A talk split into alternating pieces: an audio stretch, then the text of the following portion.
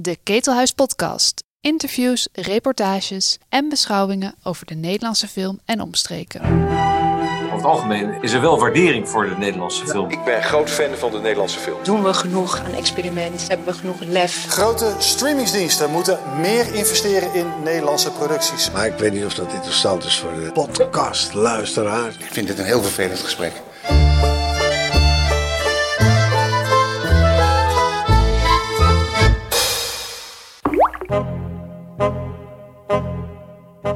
Hoe springen Nederlandse films om met de Tweede Wereldoorlog?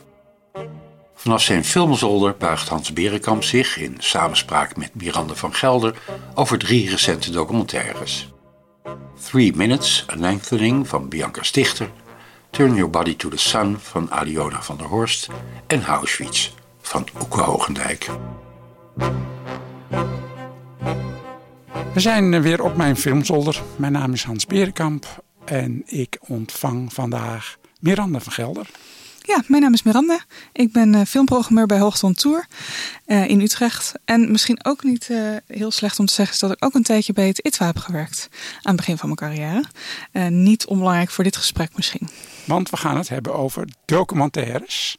Eindelijk. ik ben heel blij. en wel over uh, naar aanleiding van het uh, op handen zijnde Nederlands Filmfestival, waarvan we inmiddels ook de selectie kennen. Zeker. Films zijn uitgekozen om daar in competitie te zijn. En daar zaten uh, nogal opvallend twee lange en één korte documentaire in over de Tweede Wereldoorlog. Die alle drie, wat mij betreft, heel erg goed zijn. En nou, ik dacht, het is wel eens leuk om met iemand van een volgende generatie te praten over documentaires over de Tweede Wereldoorlog. En hoe het toch komt dat dat onderwerp nu ineens zo verschrikkelijk populair is. Misschien moeten we eerst even de titels noemen. En dan ja. gaan we daarna even hebben over überhaupt uh, Tweede Wereldoorlog en Nederland. En mm -hmm. dan gaan we daarna uitgebreid behandelen waarom deze films nou juist zo goed zijn. Lijkt me een uitzonderlijk ja, goed plan. Goede volgorde. Ja. Uh, we gaan het hebben over uh, Three Minutes A Lengthening van Bianca Stichter. Een lange documentaire geheel opgebouwd uit archiefmateriaal. We gaan het hebben over uh, de korte documentaire Auschwitz van Oeke, Ogendijk, Oeke Hogendijk. Inmiddels ook op televisie geweest en Klopt. heeft vrij veel uh, opzien gebaard, gelukkig. Mm -hmm. En uh, de derde film waar we het over gaan hebben is Turn Your Body to the Sun van Aliona van der Horst. Die zich afspeelt of die behandelt de, de Sovjet-Unie tijdens de Tweede Wereldoorlog en de eropvolgende Stalin en ja. daaraan voorafgaande Stalin-terreur. Zeker. Ik heb ze alle drie gedraaid. In, in jouw het hoogkantoor? Zeker, Heel zeker. Goed. Ja. En, en liep dat een beetje? Dat liep uh, wisselend. Um, vooral als je er een uh, special of als je er iets meer bij maakt natuurlijk uh, als uh, vertoner, dan, uh, dan kan je er wel een heel mooi gesprek omheen voeren. En daar komen zeker mensen op af. nu komen er bij ons sowieso best wel veel mensen naar documentaires toe. Dus we staan ook wel bekend als, als een filmtheater wat veel documentaires draait. En die mensen weten ons gelukkig ook te vinden. Dus ook voor deze docus weer. En welke van de documentaires liep het best? Um, ik denk Auschwitz. Toch, Toch ja. Die kwam ook net uit rondom 4 en 5 mei. Dat mm -hmm. een goede periode voor zo'n documentaire om uit te komen. Um, en had toch, misschien omdat het ook over een Nederlandse mevrouw ging, uh, wat meer. Uh, ja. Uh, ja, wat meer bezoekers die er zich misschien mee identificeerden, denk ik omdat we hier op mijn filmzolder uh, zitten, heb ik ook altijd uh, de neiging om wat dingen uit het archief te halen. Ja, waar ik ook en altijd ik, heel blij van word. Je hebt weer wat moois gevonden, ja, ik heb ik. weer wat moois gevonden. En dat, dat, ja, ik mag het noemen, ik heb er zelf aan meegewerkt. uh, maar het is een, een, soort collectors item geworden, want er was zoveel belangstelling voor dat het in de loop van de jaren echt is uitverkocht en heel moeilijk nu te vinden. Het is een boekje uitgegeven door de Kring van Nederlandse Filmjournalisten in 1986. Uh, die organiseerde toen tijdens het Nederlands Filmfestival een Engelstalig uh, internationaal symposium uh, voor vooral buitenlandse filmjournalisten. Mm -hmm. um, over hoe in Nederland de Tweede Wereldoorlog op, tot op dat moment, 1986, in film behandeld werd. Dat is een uitgave geworden dat heet Occupation, Collaboration and Resistance in Dutch Film. Dus de bezetting, de collaboratie en het verzet in de Nederlandse cinema. Um, en uh, een van de eerste dingen die opvalt als je nu door dat boekje bladert, is um, dat uh, tot op dat moment er heel weinig documentaires waren over de Tweede Wereldoorlog. Dat zei maar je, vooral speelfilms. Ja. En nu is dat eigenlijk een beetje aan het omdraaien in tegengestelde richting. Dat er nu relatief weinig speelfilms zijn en relatief veel documentaires. Ja. Um, het zou te maken kunnen hebben, en dat misschien waar we het in het algemeen even over moeten hebben, is dat het heel lang heeft geduurd voordat Nederland in staat was om werkelijk die erfenis van de Tweede Wereldoorlog collectief goed te verwerken. Nou, ik hoorde natuurlijk ook altijd dat net na de Tweede Wereldoorlog mensen het heel moeilijk vonden om erover te praten, überhaupt. Nou, ze wilden er ook niet over praten, Ja, nou ja. want het verhaal was, Ja. uh, dat zit ook heel mooi in de Noorderlingen van, uh, van uh, Alex van Warmerdam. Dat begint met, u moet vooruitkijken. Ja. En die hele gedachte van de wederopbouw in de jaren 50 en 60 was natuurlijk, we gaan niet uh, voortdurend Nee. terugkijken naar die vervelende periode. We gaan vooruit. Dat is geweest en we gaan het er niet meer over hebben.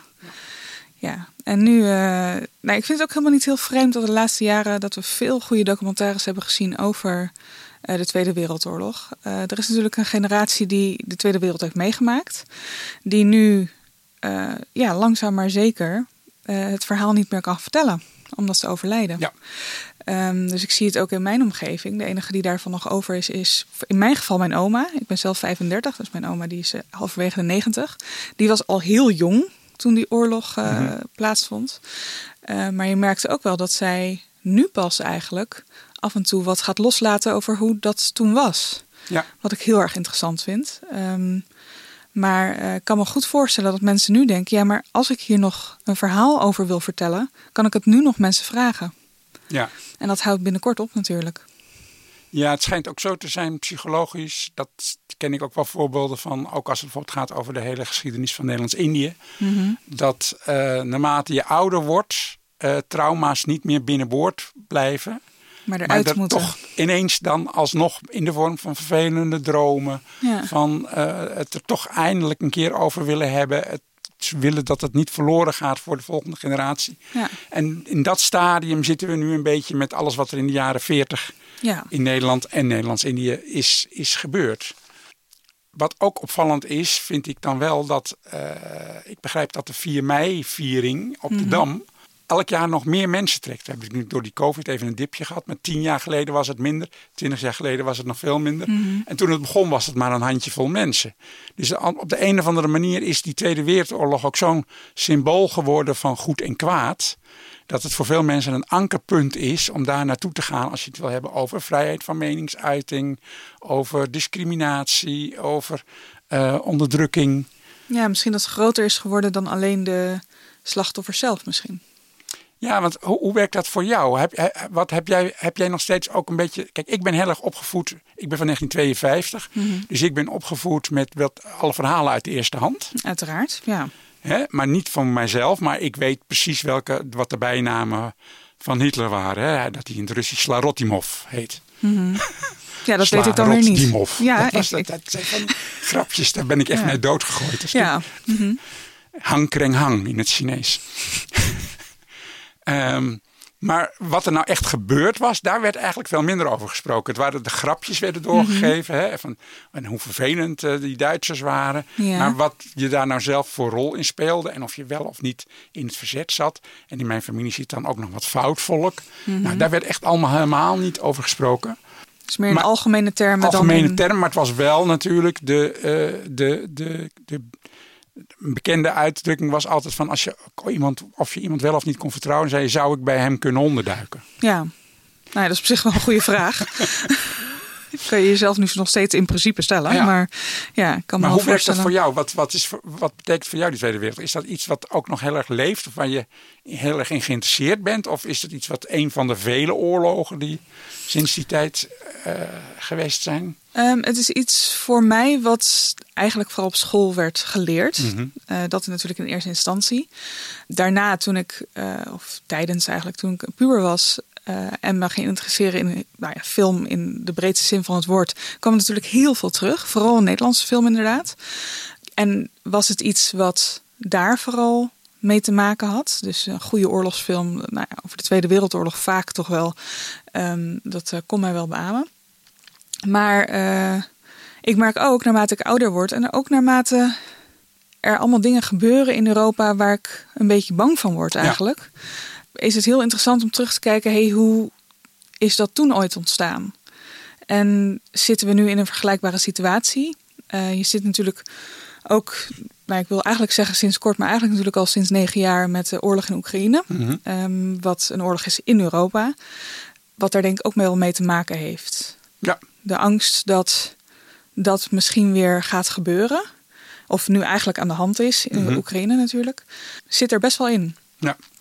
En het is ook interessant om daarmee terug te kijken naar wat er toen is gebeurd. Wat er toen ook in de jaren dertig aan de hand was bijvoorbeeld. En hoe het zover heeft kunnen komen. Ik denk dat er nog een historische factor is die eh, de verhalen uit eh, Oekraïne, maar eigenlijk uit heel uh, Oost-Europa toegankelijker maken. Dat is dat in 1989 uh, de muur is gevallen. Mhm. En dat uh, de verhalen uit Polen, uit Oekraïne, uit Oost-Europa st eigenlijk steeds dichter in ons blikveld komen. Ja. Dat denk ik ook. Dat ja. we nu echt uh, ook uh, mensen zien als we aan Polen denken. En niet alleen ja, en aan, niet aan een land daar ergens daar, ja, achter precies, een muur. Nee, zeker, zeker. Ja, en dat komt natuurlijk ook terug in die documentaires die we zo nog gaan bespreken.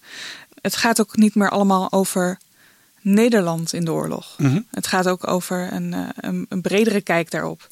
Uh, hoe was het uh, aan de Sovjet-grenzen? Wat, wat was daar aan de hand?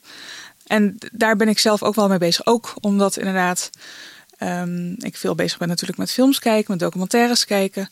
Maar ook omdat mijn oma opeens af en toe wat loslaat waarvan ik denk, dit heeft ze nooit gedaan. Hm. Zullen we beginnen met Three Minutes Lengthening? ja, daar werd ik als filmwetenschapper zo blij van. Kun je een beetje beschrijven wat daar precies gebeurt? Ja, uh, Three Minutes Lengthening is een, uh, een film.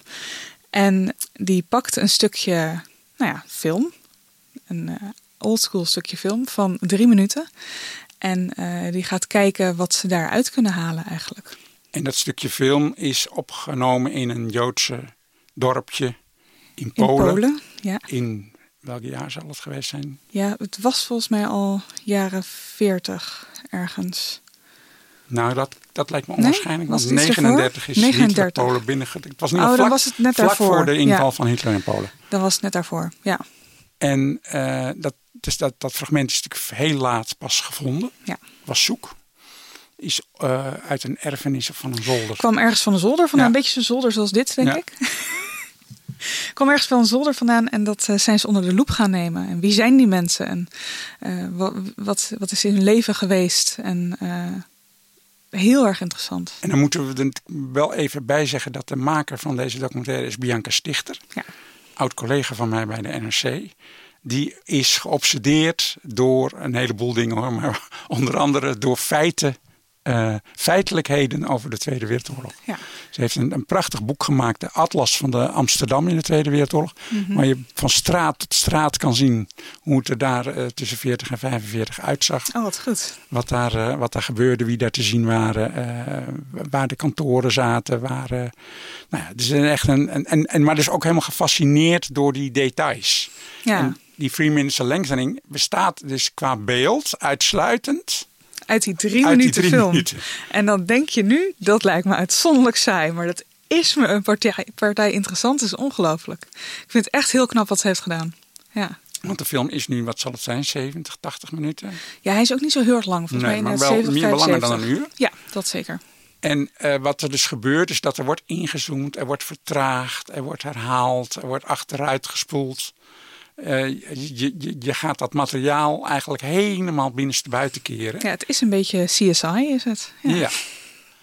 En dan horen we op de geluidsband stemmen van uh, degene die dat materiaal hebben onderzocht, onder wie uh, de vinder van het materiaal. Ja.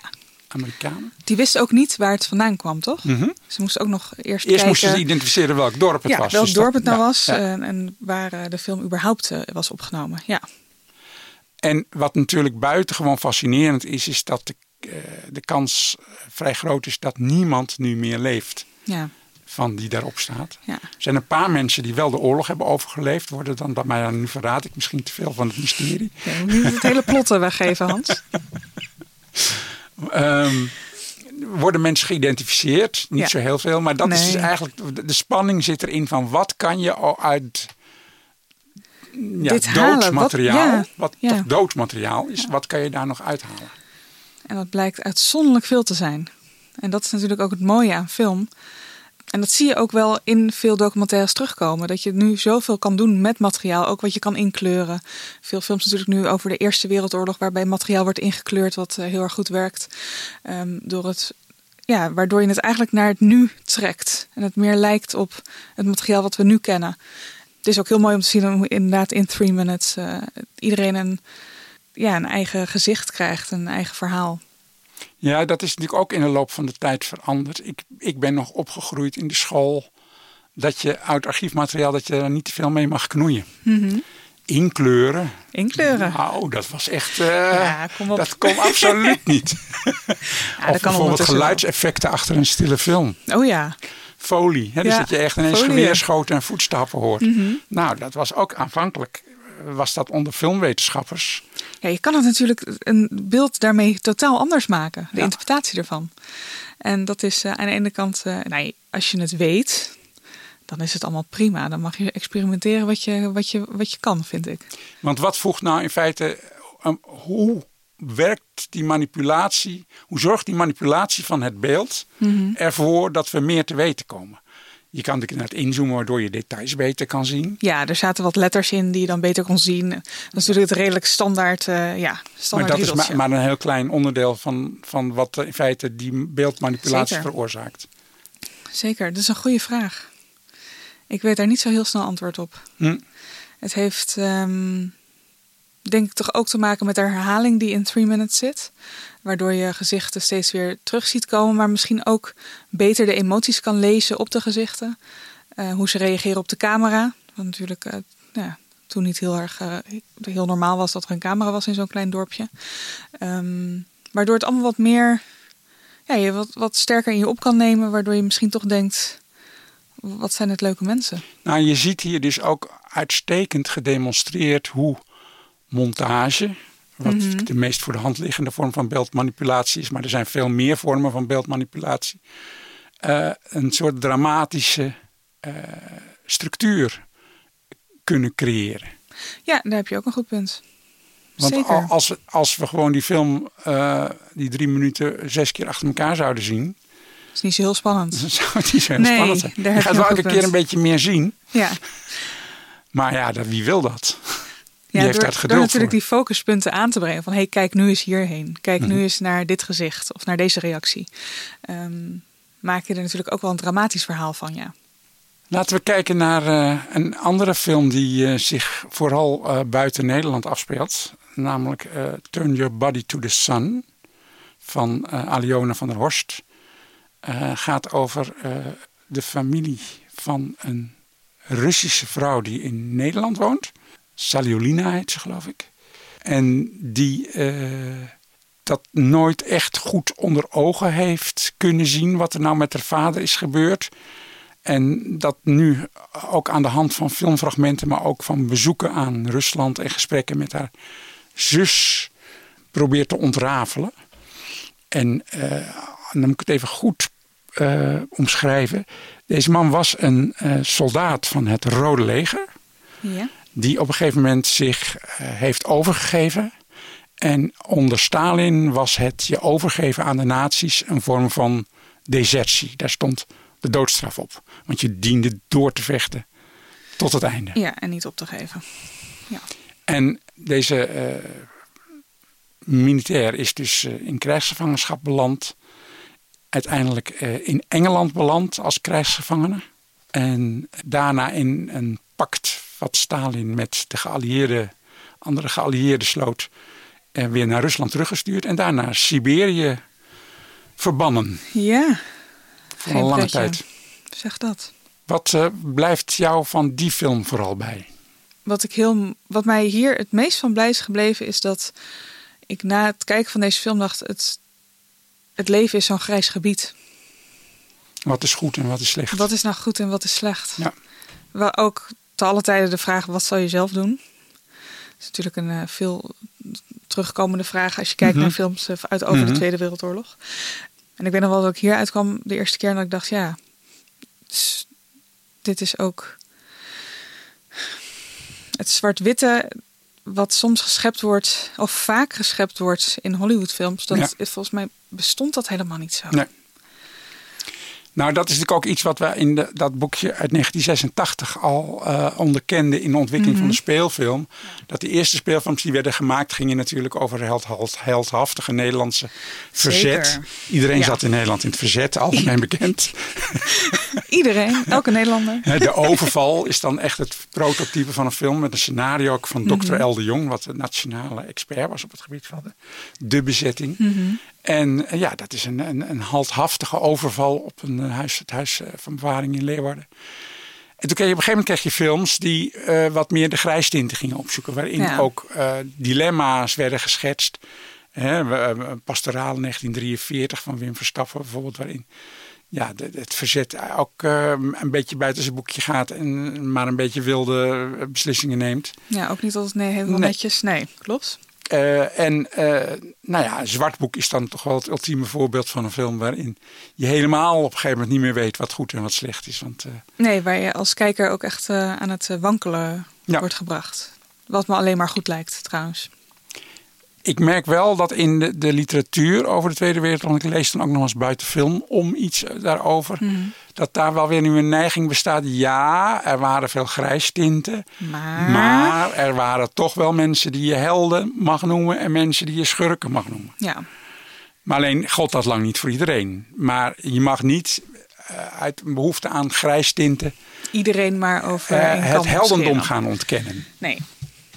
Is dat eh, een beetje een Nederlands ding ook? Eh, niet je kop boven het maaiveld eh, ja, dat je misschien toch denkt van ja, maar de, niemand was echt helemaal goed of fout. Nee. En we zijn allemaal zondig. Ja, inderdaad. Ja. Terwijl er toch wel mensen waren die heel erg goed hun best hebben gedaan. En mensen aan de andere kant die heel erg Ja. niet goed hun best hebben gedaan. Ja, dat is Even, waar. Ja. even terug naar Aliona van der Horst. Want daar zit dus heel erg die vraag van wat doe je nou met als je in een eh, oorlogssituatie ziet dat je het niet kan winnen en je geeft je over. Ja. In plaats van dat je je doodvecht. ja. Verdien je dan straf? Ja, volgens Stalin wel. Volgens Staling wel, maar ja. Maar die film begint met een fantastisch beeld van zowel Stalin als Hitler.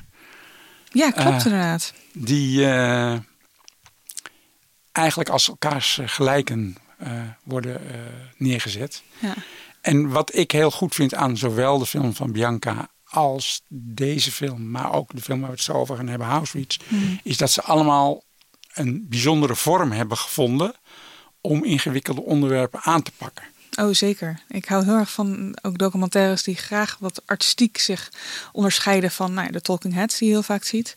En daar zijn al deze drie documentaires zeker een voorbeeld van. Voorbeeld van ja. Want er zijn natuurlijk ook legio documentaires, we gaan nu geen namen noemen, maar waarin toch maar weer eens een keer hetzelfde verhaaltje wordt verteld. Op eh, dezelfde manier nou vooral ook, ja. Van iemand in van ik sprak mijn oma of ik vond op zolder een dagboek. Ja, En laten we eens kijken, eh, kijken of we wat we daar nog in de archieven over kunnen vinden. ja, dat ja. En, en dat schiet niet op, omdat we dat al zo vaak hebben gezien en dat dat toch een beetje ronddraait vaak in dezelfde Het maakt het eh, filmtechnisch gezien niet heel interessant. En daar ben ik natuurlijk wel altijd naar op zoek. Naar films die, eh, ook vooral documentaires, die artistiek gezien ook eh, het op een andere manier vertellen dan wat je eigenlijk gewend bent. Ehm, en dan heeft het ook echt een meerwaarde om een film in de bioscoop te gaan zien, denk ik. Of in het filmtheater. Laten we het even hebben over de vorm van Aliona van der Horst. Die Ja. overigens zelf half Russisch is, moeten we misschien even bij zich zetten. Ja, Meerdere films gemaakt die zich in Rusland afspelen omdat haar moeder. Klopt. Liefde is aardappels. Ja, precies. Prachtig. Prachtig documentaire ook. Ehm, welke vormstrategieën heeft ze gekozen? Het is een, eh, ze werkt veel met projecties bijvoorbeeld. Ja.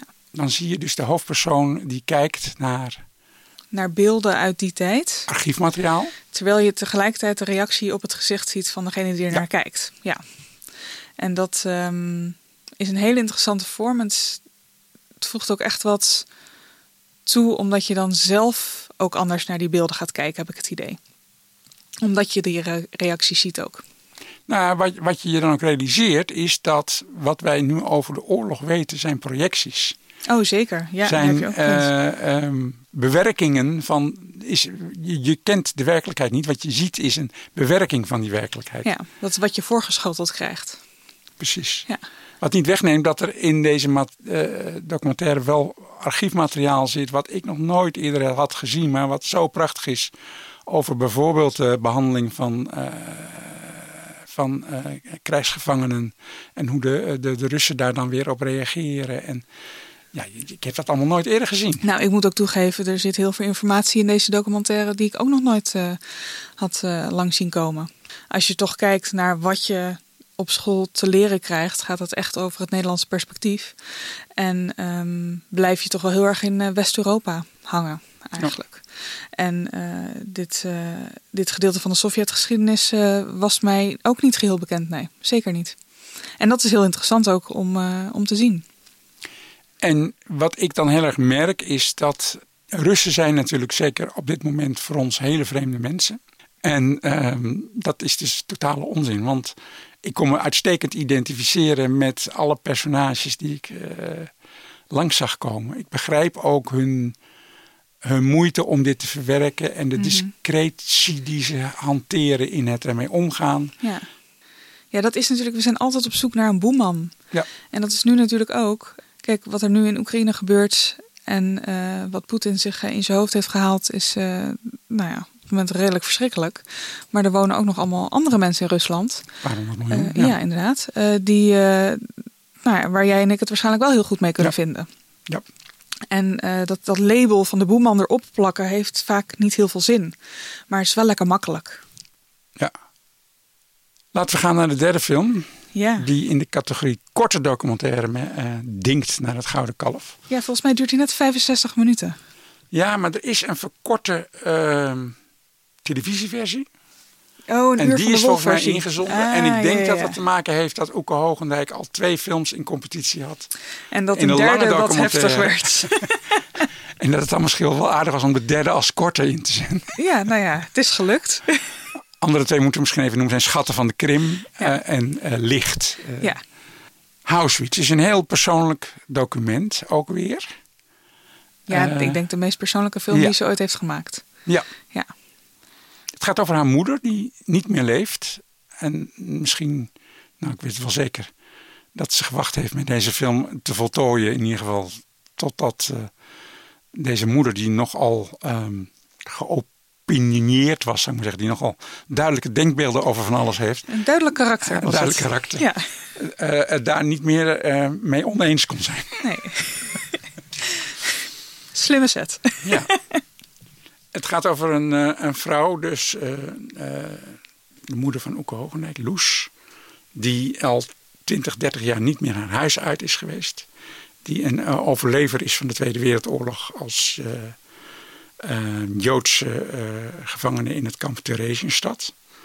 Wat overigens een luxe kamp was voor veel eh, mensen. Dus dat is al punt één. Om je, als je last hebt van survivor guilt, dan is dat in Theresienstadt Nog heftiger. nog heftiger, want je weet dan dat je er genadig van bent afgekomen. Mhm.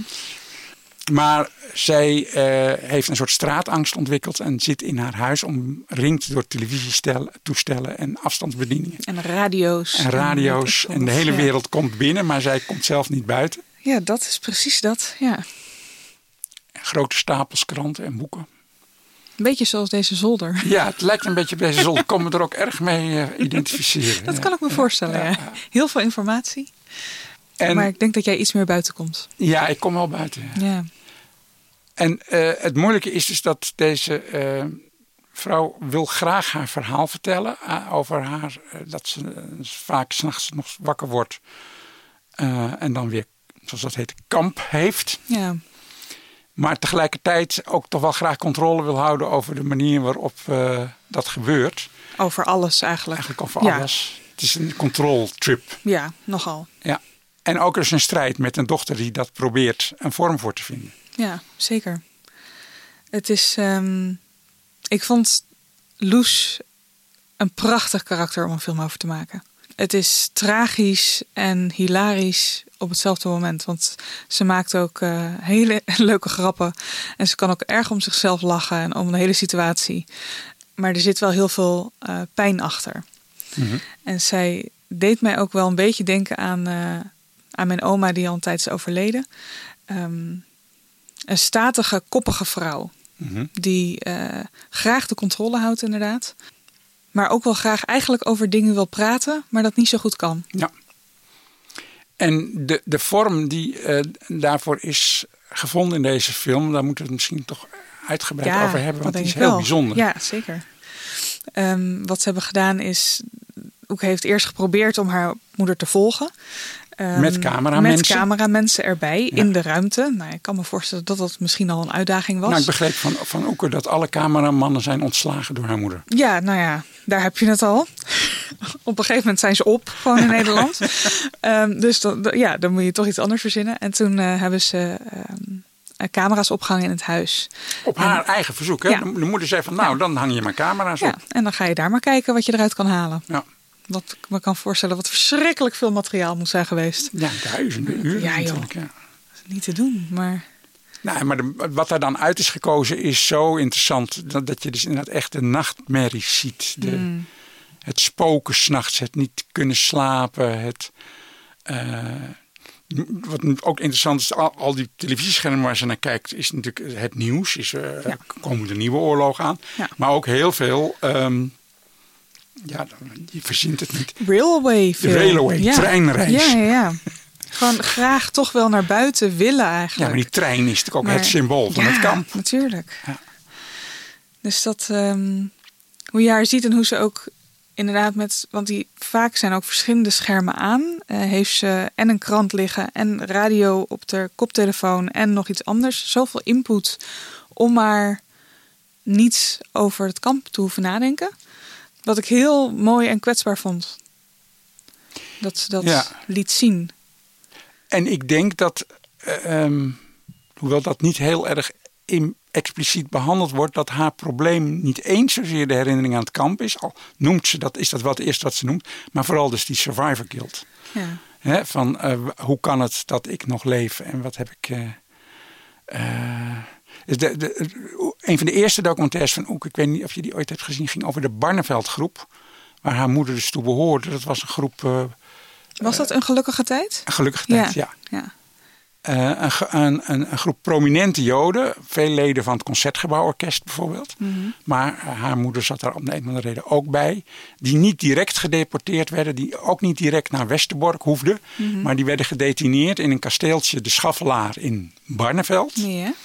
Een vrij luxe uh, oord eigenlijk, mm -hmm. was er wel met veel mensen tegelijk zaten. En daarna dus pas in de allerlaatste instantie zijn alsnog zijn gedeporteerd. Maar dan niet naar de vernietigingskampen. Maar, maar naar het modelkamp Theresienstadt. Waar bijvoorbeeld ook films werden opgenomen om de wereld te laten zien dat de nazi's helemaal niet het slechtste voor hadden met de Joden. Ja, ik kan met film zoveel. Dus een, een prachtige uh, uh, film gemaakt. Een prachtige, een verschrikkelijke film. Hitler schenkt den Juden eine Stadt. Ach ja, die heb ik gezien. Ja. Tijdens mijn studie, ja. Dan denk je dat het allemaal, allemaal meeviel. Gemaakt door Kurt Gerron, die daar toch later ook is omgelopen. Kurt Gerron was de man die, maar dit doet helemaal niet de zaak. De Nederlandse, eerste Nederlandse nasynchronisatie van Sneeuwwitje en de Zeven Dwergen heeft Hmm. mm. gemaakt. Maar goed, um, Theresienstadt was natuurlijk een oord wat op dat moment niet heel erg verschrikkelijk was. Hoewel nee. het eten natuurlijk niet helemaal was wat Loes gewend was. Dat kan ik me voorstellen. maar je, je houdt daar de rest van je leven last van dat je het... Heb overleefd, ja. ja. En dat brengt ons een beetje ook op, wat mij betreft, op de tweede generatie. Want dat is toch eigenlijk ook een soort gemeenschappelijk iets in alle drie die films waar we het nu over hebben. Uh, uh, Turn Your Body to the Sun gaat over een dochter. Die ja. kijkt naar het, wat haar vader is overkomen. Heeft zij zelf ook last van? Uh, Oeke heeft natuurlijk verschrikkelijk veel last gehad van haar moeder. Nogal. En nou ja, ook, je hoort het is ook, de moeder, ja. maar je hoort die telefoongesprekken inderdaad. En het is, het is wel heftig om een moeder te hebben die er zo in ja, staat. dat zit er ook nog vrij terloops in dat ze dus als kind een tijdje maar is weggegeven. Omdat ja. ze dat er niet bij kon hebben. Ja. En in feite is die film van Bianca gaat natuurlijk toch ook over tweede generatie. Omdat het gaat over het standpunt van degene die alleen film heeft, om erachter te komen wat er nu gebeurt. Mhm. Wat er is gebeurd. Ja, en dat is ook wel heel interessant. En ik denk dat dat een van de redenen is waarom we eh, nu die eh, nou ja, meer documentaires zien hierover. Daar ook veel meer interesse weer in is. Ehm, we hebben het veel over intergenerationaal trauma, intergenerationaal leed. Ehm, en dat komt hier allemaal in terug. Ja. Dat we steeds meer gaan inzien dat het leed van onze opa en oma, van onze ouders, ook invloed heeft op ons en op ons leven en hoe wij erin staan. En dat zie je natuurlijk heel direct in Housewits. Ja. Als je een moeder hebt die constant belt, constant daarmee bezig is, hoe heeft dat invloed op jouw leven? Eh, flink. En ik denk dat dat ook door Oeke Hogendijk's hele leven is eh, vervlochten.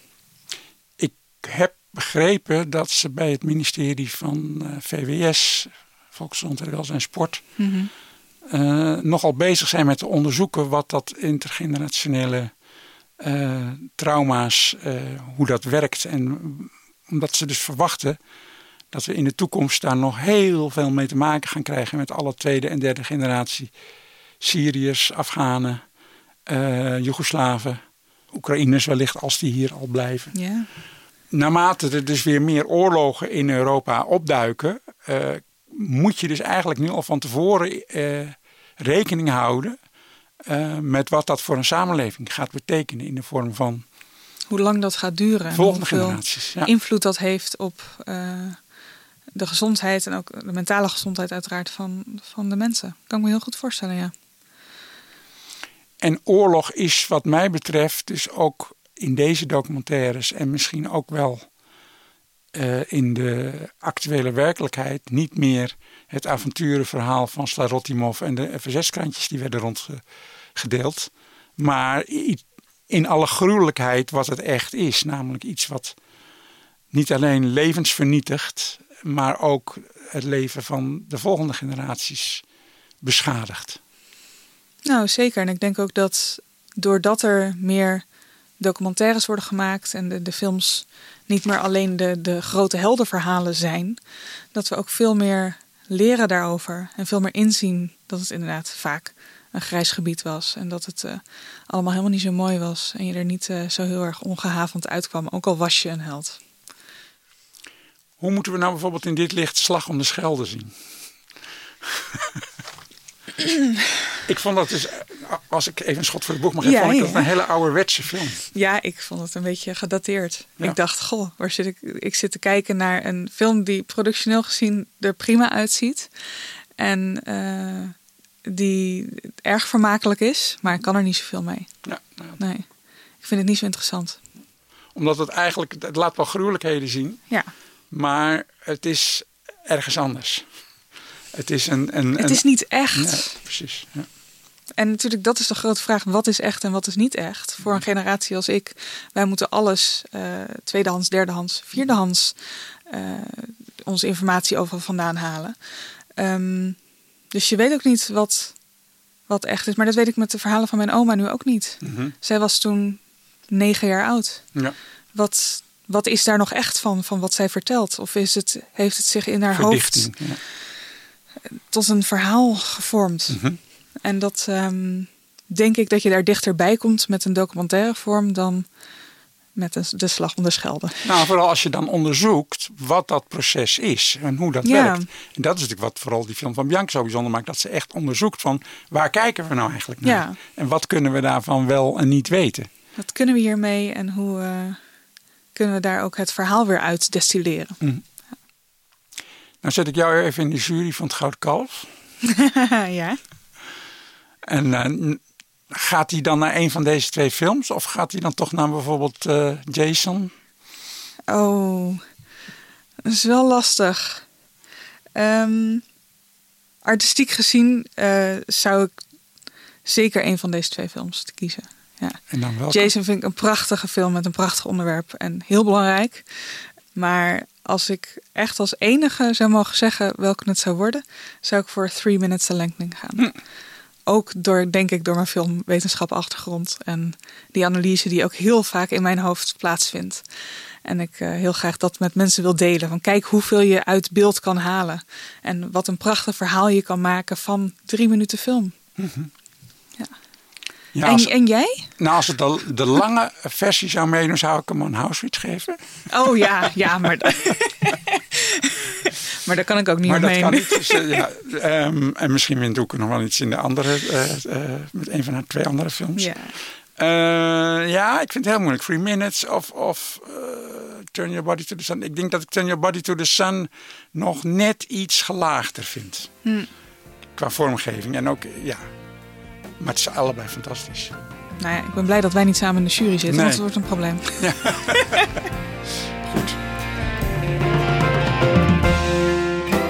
Tot zover deze Ketelhuis podcast. Je vindt de Ketelhuis podcast in je favoriete podcast app en natuurlijk op onze website ketelhuis.nl slash podcast. Abonneer je vooral zodat je geen enkele aflevering mist en leuk als je een reactie achterlaat. Hou ons in de gaten, we zijn snel weer terug met een nieuwe podcast.